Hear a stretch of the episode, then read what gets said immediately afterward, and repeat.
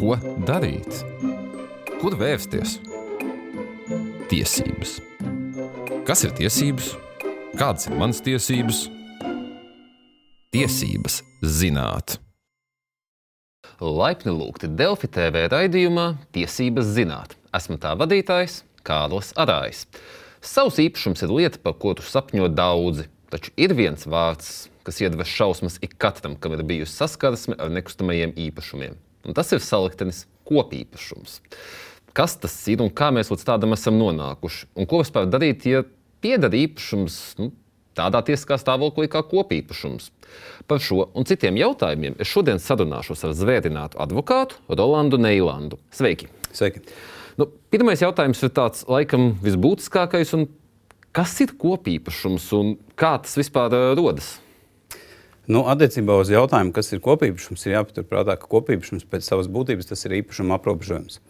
Kopīpašums kā tiesība institūts tas atrodas civil likumā eh, nodaļā pie īpašuma, pie īpašuma aprobežojumiem. Un tas ir tas, kas vienmēr ir jāpaturprātā. Ko nozīmē īpašuma aprobežojums? Tā, kas...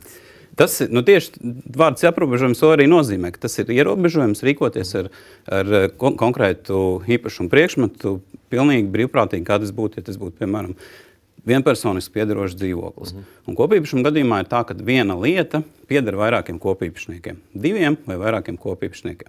Un rīcībai ar šo lietu ir nepieciešama visu kopīpašnieku piekrišana. Nu, tādā gadījumā sanāk, ja teiksim, ir dzīvoklis, ēka, ja man pieder dzīvoklis ēkā, kur ir rakstīts, šis ir kopīpašums, tad tehniski es ar to dzīvokli nevaru darīt, ko es gribu vispār. Ja?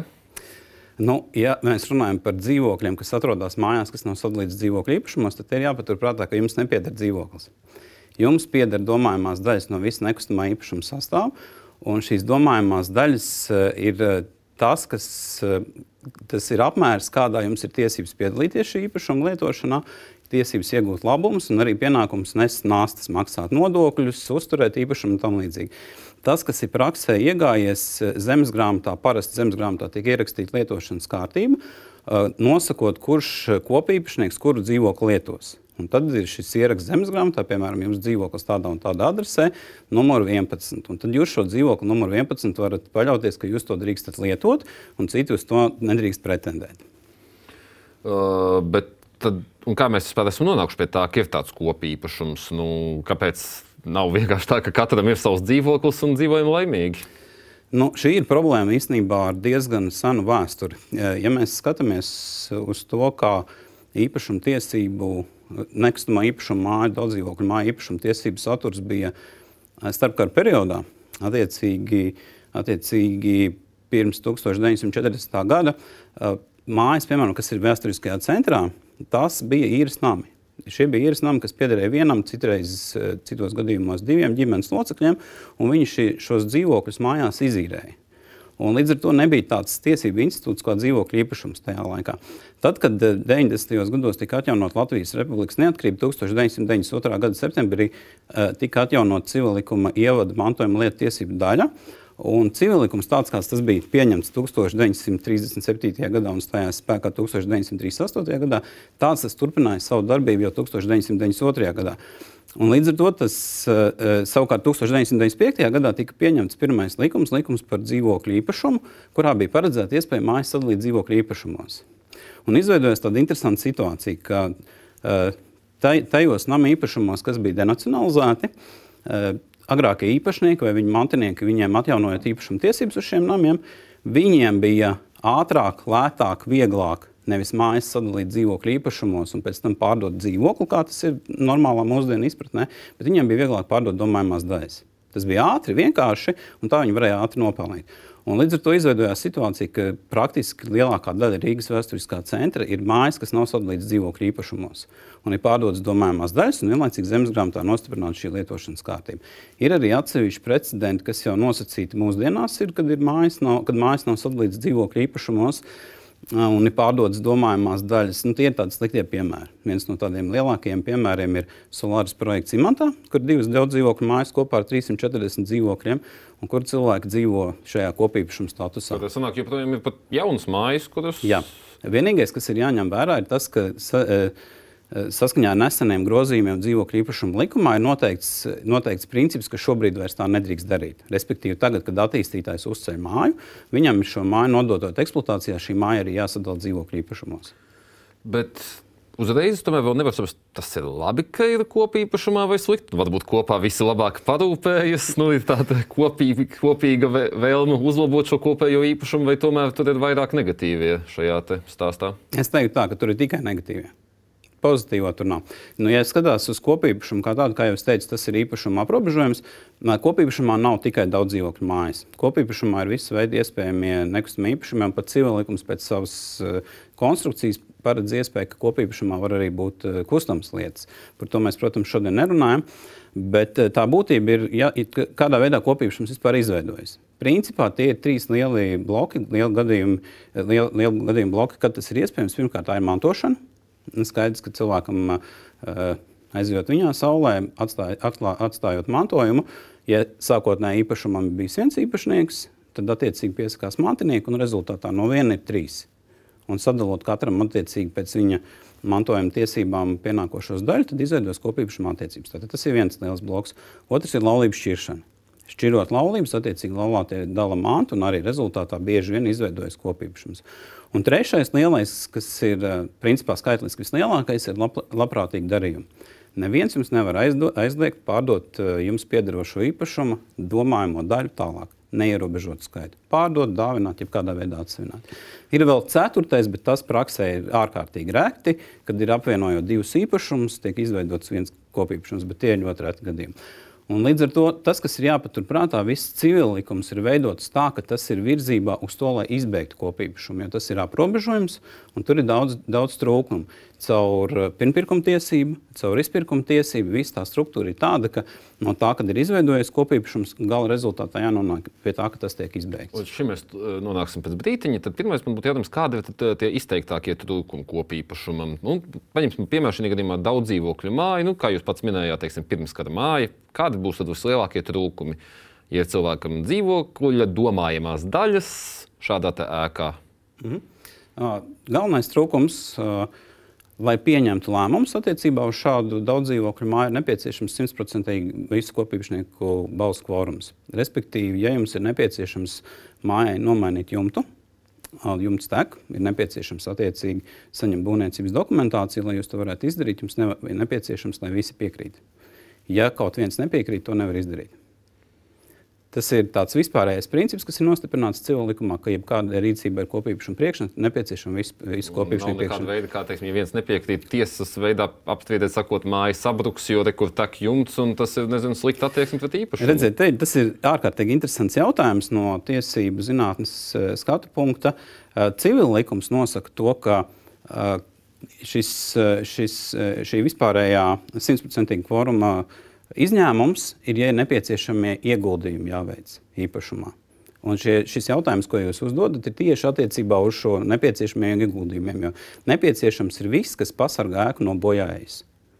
Un šajā gadījumā skaidrs jums tek bojājas konstrukcijas, un tas ir nepieciešams. Bet kur ir paradoks? Lai jūs varētu tiesiski veikt būvniecību, jums ir nepieciešams saskaņot būvniecības dokumentāciju, saņemt būvatļauju un tā tālāk. Nav viena piekrišana, jūs to nevarat izdarīt. Attiecīgi, ja jūs pats veiksiet šo jumta nomaiņu, tā būs nelikumīga būvniecība. Un ir juridikatūrā precedenti, ka šādā veidā cilvēki ir gājuši. Viņam gala rezultātā pasaka, ka nu, tā, šī, šī rīcība ir bijusi nelikumīga, un līdz ar to viņi nav tiesīgi pretendēt uz, uz izdevumu piedziņu. Jo tā būtība, normas ir būtība tāda, ka, ja tu šos nepieciešamos ieguldījumus veids, tad ir tiesības saņemt arī no visiem pārējiem proporcionāli domājumām daļām atlīdzību. Un tas paradoks ir tieši tāds, ka to ir ārkārtīgi grūti izdarīt. Ir atsevišķi precedenti administratīvās tiesas eh, praksē, arī senāta līmenī, kur šis jautājums ir apspēlēts, bet, lai to realizētu, tas ir ārkārtīgi grūti. Un pretstatā uzreiz, lai jums pateiktu, salīdzinot, ja māja ir sadalīta dzīvokļu īpašumos, pietiek ar vairāk kā pusi kopi, eh, dzīvokļu īpašnieku balsu vairākumu, un līdz ar to lēmums ir pieņemts un ir saskaņot arī būvniecības dokumentācija.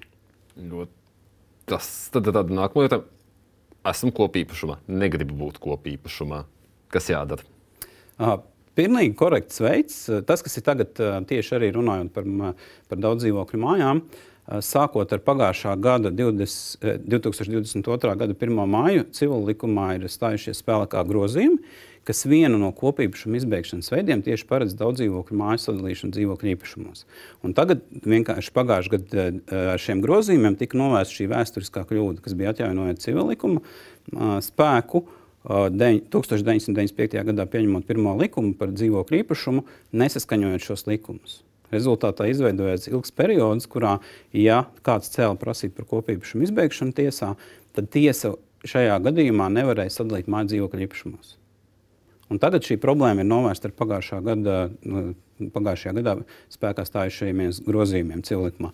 Nu, lūk, tas nozīmē, to, ka šobrīd to ir iespējams izdarīt arī korektā veidā tiesas ceļā, bet, lai jūs nonāktu līdz tam, ka jūs prasat mājas sadalīšanu tiesas ceļā, normāls civilizēts uh, rīcības plāns ir vērsties pie visiem kopīpašniekiem ar aicinājumu, lūdzu, uh, darbie kaimiņi. Normāls uh, mūsdienām atbilstošs lietu stāvoklis ir tāds, ka māja ir sadalīta dzīvokļu īpašumos, vienojamies, ka sadalām. Un tad tālāk jau šis, ja visi piekrīt, te ir, te ir tas galvenais nosacījums, ka ir jābūt 100% piekrišanai. Ja visi piekrīt, tad uh, Tālāk jau tas ir tehnisks dabas jautājums. Vai tas ir eh, visu kopīpašnieku lēmums, vai tas ir līgums par mājas sadalīšanu dzīvokļu īpašumos, vai cits privātiesisks dokuments. Bet, ja kaut viens nepiekrīt, tad nekas cits neatliek, kā celt prasību tiesā par mājas sadalīšanu dzīvokļu īpašumos.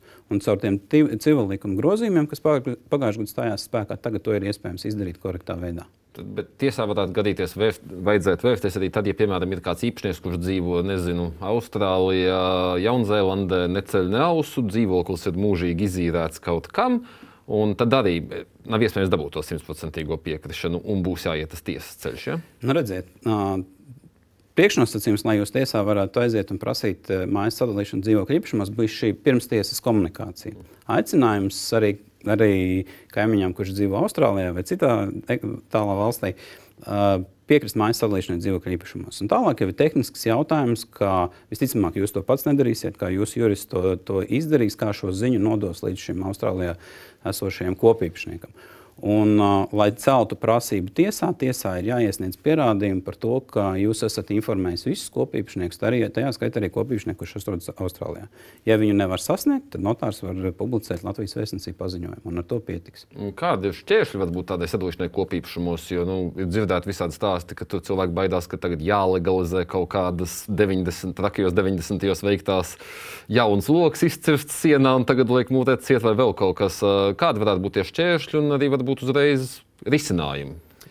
Es jums atbildēšu uz šo jautājumu no tā perspektīvas, kāda ir šobrīd, kāda ir, kāda ir spēkā pie esošajiem normatīviem aktiem.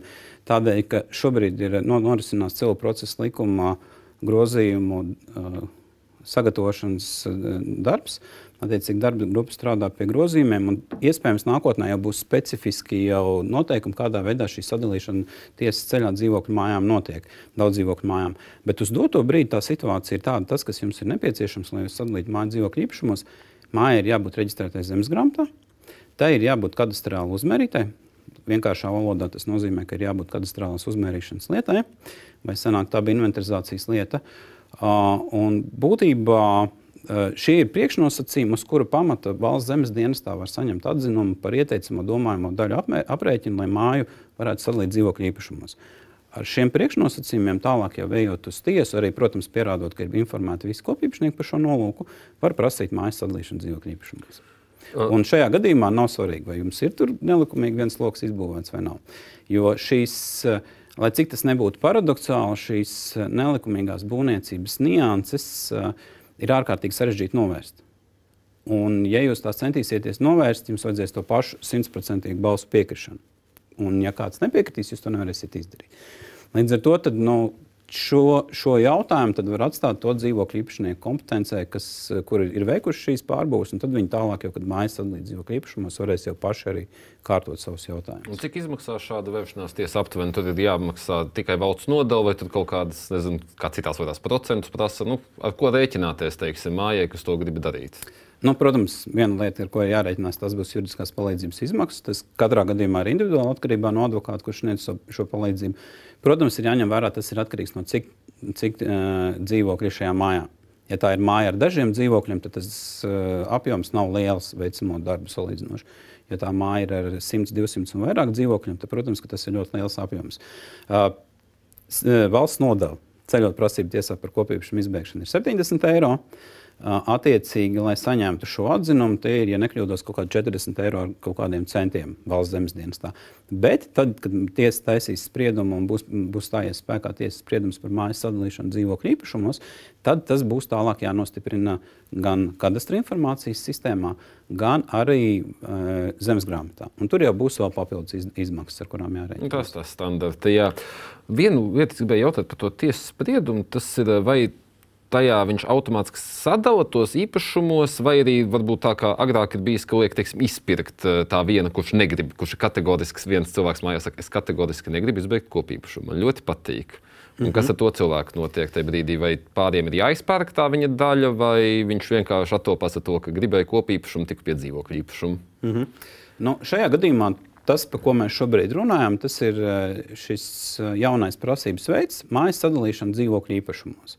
Un šīs uh, tiesvedības ietvaros, ja vien nav kāda pretprasība vai kāds no, kāds no kopīpašniekiem neizsaka kādu īpašu vēlmi, tad tas rezultāts arī būs tāds, ja prasība būs pareizi nokonstruēta, sadalīt tādu un tādu māju, tādos un tādos dzīvokļu īpašumos, tādam un tādam prasītājam vai atbildētājam nododot īpašumā tādu un tādu dzīvokli pārnesot attiecīgi hipotēkas, citas apgrūtinājumus un tam līdzīgi, tam līdzīgi.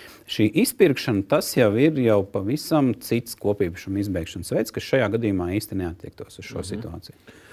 Un mēs jau smiekstīšu lielu daļu problēmas, kas ir arī tādas ļoti acīm redzamas, bet varbūt ir kaut kādas tādas tiešām negaidītās juridiskās problēmas, kas man mājai vēl atgadīties. Jo man tiešām ļoti interesē šīs problēmas, jo cik saprotu, dzīvokļu īpašumos šādas lielākā daļa šo problēmu nevar būt. Un tāpēc man tiešām interesē dzirdēt, kādas vēl var būt tās problēmas, jo nu, viens sarunas laikā ir apskaidrs kop, ja ir kopīpašums, jācenšas no tā tikt vaļā. Tad varbūt varam pastāstīt vēl, vēl kādu iemeslu, iedosim, kāpēc.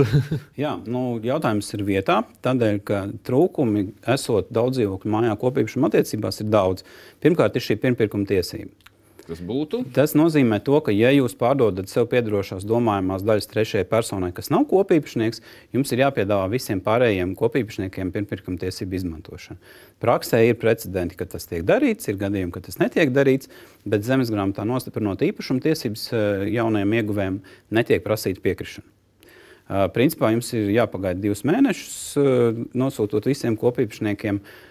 Ja jūs to nedarat, tad kopīpašniekiem ir izpirkuma tiesība. Gada laikā no, no reģistrācijas zemes grāmatā ir tiesība celt prasību, izpirkuma prasību. Un tas nozīmē, ka šis jaunais eh, ieguvējs var saskarties ar risku, ka viņš tiek izstumts ārā. Viņš ir nopircis dzīvo, eh, domājamās daļas iegūst lietošanā dzīvokli. Viņam ir, eh, viņš dzīvo, un tagad pēkšņi viņam kāds no kopīpašniekiem atsūta tiesas, caur tiesu no tiek atsūtīta pavēsti par to, ka nu, ir ierosināta lieta. Tad, tad sanāk, ka vispār pirkt dzīvokli ēkāks ir kopīpašumā, varbūt zināmā mērā pat uh, riskanti. Tieši tā. Viennozīmīgi. Tas ir viens. Otrs no pārdevēja skatu punkta vērtība ir zemāka. Tirgus vērtība šādam, šādam īpašumam ir zemāka tādēļ, ka tas nav patstāvīgs nekustamais īpašums. Tās ir domājamās daļas, kas ir apgrūtinājums. Trešais ir bankas, kas ļoti skrupulozi skatās uz šādu kredītu izsniegšanu. Tātad, ja potenciāli kāds pircējs vēlas pirkt, tad tajos gadījumos, kad ir problemātiski šie īpašumi, ir bankas, kas pat atsevišķos konkrētos nekustamos īpašumos, pat mājās, daudz dzīvokļu mājās nedod kredītus. Vispār nedod. Un ir vēl ceturtais, kas ir ārkārtīgi, manuprāt, tāds uh, būtisks jautājums uh, - nekustamā īpašuma nodoklis. Ja jums ir mājas sadalīta dzīvokļu īpašumos, jūs maksāsiet nekustamā īpašuma nodokli tieši par konkrēto dzīvokli. Tad, ja jums māja nav sadalīta, respektīvi, tik cik jūs dzīvojat, ko jūs izmantojat, par to jūs maksājat nekustamā īpašuma nodokli atbilstoši kadastrālajai vērtībai. Tad, ja māja nav sadalīta dzīvokļu īpašumos, jūs maksājat procentuāli domājamām daļām no visa nekustamā īpašuma tirgus vērtības. Plus uh, nekustamā īpašuma nodokļa piemērošanas, at, atlaižu piemērošanas kārtība arī savādāk. Rezultātā jums vienkāršiem vārdiem ir jāmaksā lielāks nekustamā īpašuma nodoklis. Mēs arī saņēmām jautājumus no lasītājiem, un te ir viens cilvēks, kas prasa, kā var cīnīties pret kopīpašnieku, kas uzstāja, ka tam, balstoties tiešām kaut kādiem seniem dokumentiem, 90. gadi, pieder faktiski daļa kāpņu telpas, kas bloķē arī kaut kādu izēju, un cilvēks atsakās sadarboties teiksim, ar pāriem kopīpašniekiem, kaut kā to risināt un bloķē izējas. Vai kopīpašniekiem ir kaut kādi tiesiskie instrumenti ar šo vienu? Cilvēku kaut kādā veidā cīnīties. Jā. Jautājums ir labs, jo šobrīd es teiktu, tā uz šādu situāciju, nu, tik cik jūs pasakāt, neiedziļinoties un nezinot citas lietas apstākļus, ir divi risinājumi. Viens risinājums ir, ir prasīt tiesai noteikti lietošanas kārtību, pārskatīt, respektīvi, jo nav normāla situācija, ka viens lieto koplietošanas telpas, kas pēc statusa ir koplietošanas, un citi tām netiek klāt.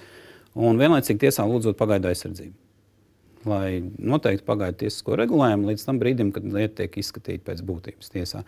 Un otrs variants ir tas, attiecas gan uz šādiem gadījumiem, gan uz citiem gadījumiem, kad kāds kopīpašnieks rīkojas acīm redzot negodprātīgi pret citiem kopīpašniekiem, tad arī ar civil likuma grozījumiem tagad ir paredzēta iespēja, ka tādu kopīpašnieku, kurš rīkojas pretēji likumiem, kurš rīkojas pretēji pārējo kopīpašnieku interesēm, viņu var izstumt vispār no kopīpašuma var prasīt, tiesā celt prasību par šādu kopīpašnieku iztumšanu no kopīpašuma, attiecīgi nosakot atlīdzību par viņu domājamām daļām un viņam kompensāciju izmaksājot, bet izstumiet ārā no kopīpašuma. Faktiski izpirk, piespiedu izpirkšana. Tas, Tā var teikt. Šobrīd nav tiesiskais regulējums attiecībā uz šo procesu, kā tas notiks. Tāpēc, ka principā civil likuma normas paredz to, ka tas notiks iekšējā izsolē, starp, pirmkārt, pirmkārt starp kopīpašniekiem, lai neielaistu citas personas iekšā.